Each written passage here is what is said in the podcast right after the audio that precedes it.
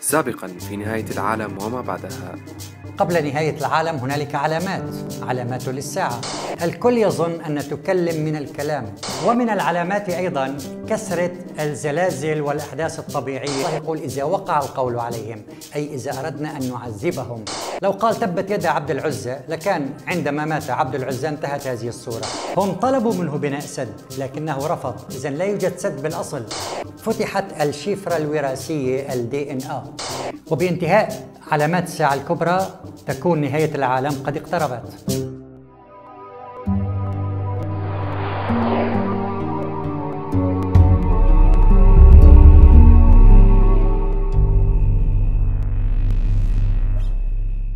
ونهاية العالم قريبة جدا لماذا؟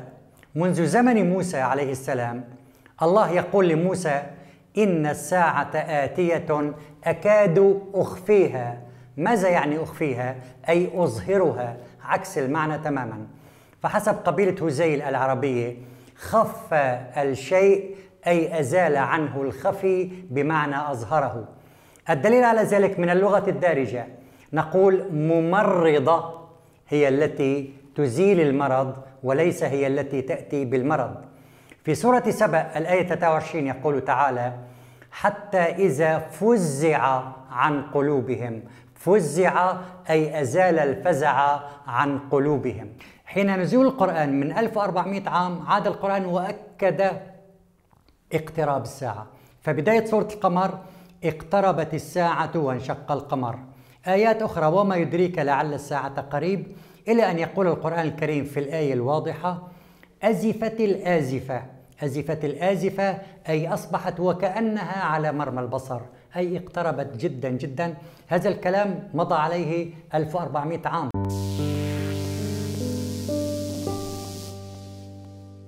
هي حتمية الحدوث لماذا؟ حينما الله يتكلم مع الجانب الآخر أو الجانب الكافر تأتي الآيات بهذا السياق. إن الساعة لآتية. يضع لام التوكيد أو تسمى اللام المزحلقة تأتي بخبر إن لتوكيد الفعل.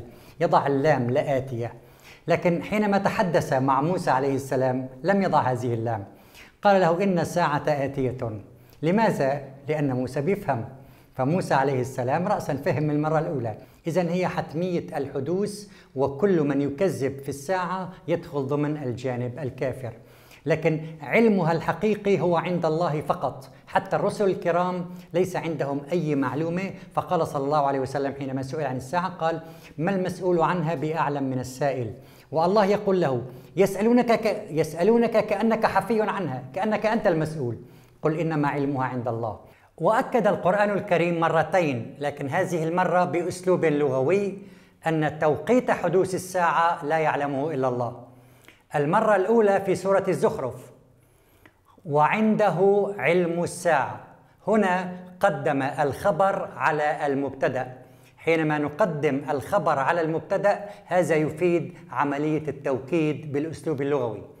التوكيد الآخر ورد في سورة فصلت إليه يرد علم الساعة. هنا قدم الجار والمجرور على الفعل. لم يقل يرد إليه علم الساعة. لكن جاءت الآية إليه يرد علم الساعة. حينما نقدم الجار والمجرور على الفعل هذا توكيد على أن توقيت الساعة لا يعلمه إلا الله وحده. إذا هي حتمية الحدوث فعلا هي حقيقة مستقبلية لا بد منها لكن الله وحده الذي عنده علم الساعة لقوله تعالى لا يجليها لوقتها إلا هو ثقلت في السماوات والأرض. حتى الملائكة الكرام ليس عندهم أي إشارة أو أي معرفة عن متى حدوث الساعة مثل ما سوف نرى.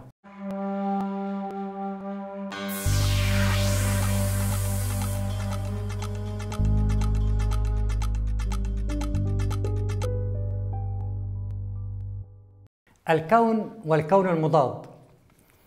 الكون بدأ من نقطة أو من منطقة صغيرة جدا ثم انفجر وأخذ يتوسع على هذا الشكل المخروطي. كل الكون مجمع بقاعدة المخروط وهنا لا يوجد لا كواكب ولا نجوم ولا مجرات، لماذا؟ تقول وكالة ناسا حاليا أن الكون هو مسطح إذا الكون مجمع في قاعدة هذا المخروط ويتوسع بكل الاتجاهات لكن هنالك موضوع هام جدا الله سبحانه وتعالى يقول ومن كل شيء خلقنا زوجين. وتحدث القرآن الكريم عن دنيا وعن آخرة كزوجين. في علم الجبر والسادة أصحاب الجبر الحديث حصرا يعلمون يوجد مادة تسمى الطوبولوجيا الطوبولوجيا هي دراسة الجانب الآخر من الشكل أو خل يعني دعونا نشبه الموضوع بصورة إنسان في المرآة يعني الصورة الأخرى. يجب أن يكون هنالك حاليا كون آخر مضاد. لماذا؟ قال تعالى يوم نطوي السماء كطي السجل للكتب.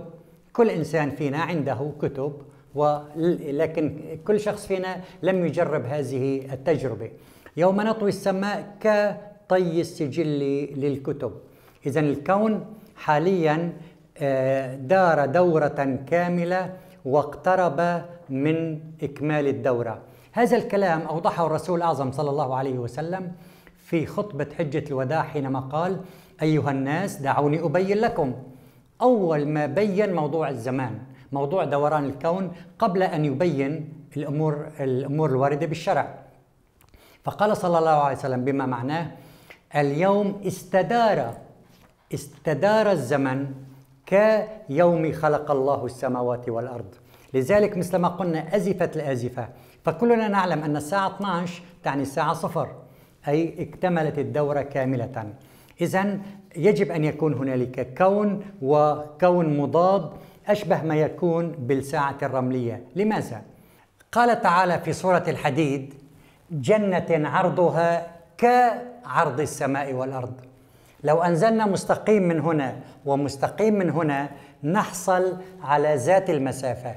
أي فعلا جنة عرضها كعرض السماء والأرض بذات المسافة. لذلك يوم القيامة ويوم الحساب قال تعالى وأزلفت الجنة للمتقين غير بعيد. إذا اقتربت من من من من جانب الأرض. إذا الجنة أصبحت غير بعيد. لكن جهنم هي حيز صغير مغلق في منطقة المحشر وعملية الحشر هنا. فيتم المرور من جانب جهنم ويبقى الكافرون داخل جهنم. إذا هي حيز صغير مغلق كمحرقة نفايات في الكون.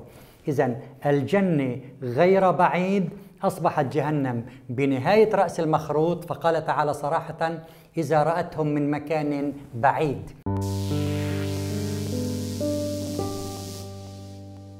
إذا نظرية أو فكرة الطوبولوجيا في الكون والكون المضاد تحل لنا تفاسير عشرات من الآيات القرآنية التي تتحدث أولا كطي سجل الكتب جهنم بعيدة الجنة غير بعيد وتؤكد الآية جنة عرضها كعرض السماوات والأرض المقطع متشابه تماماً.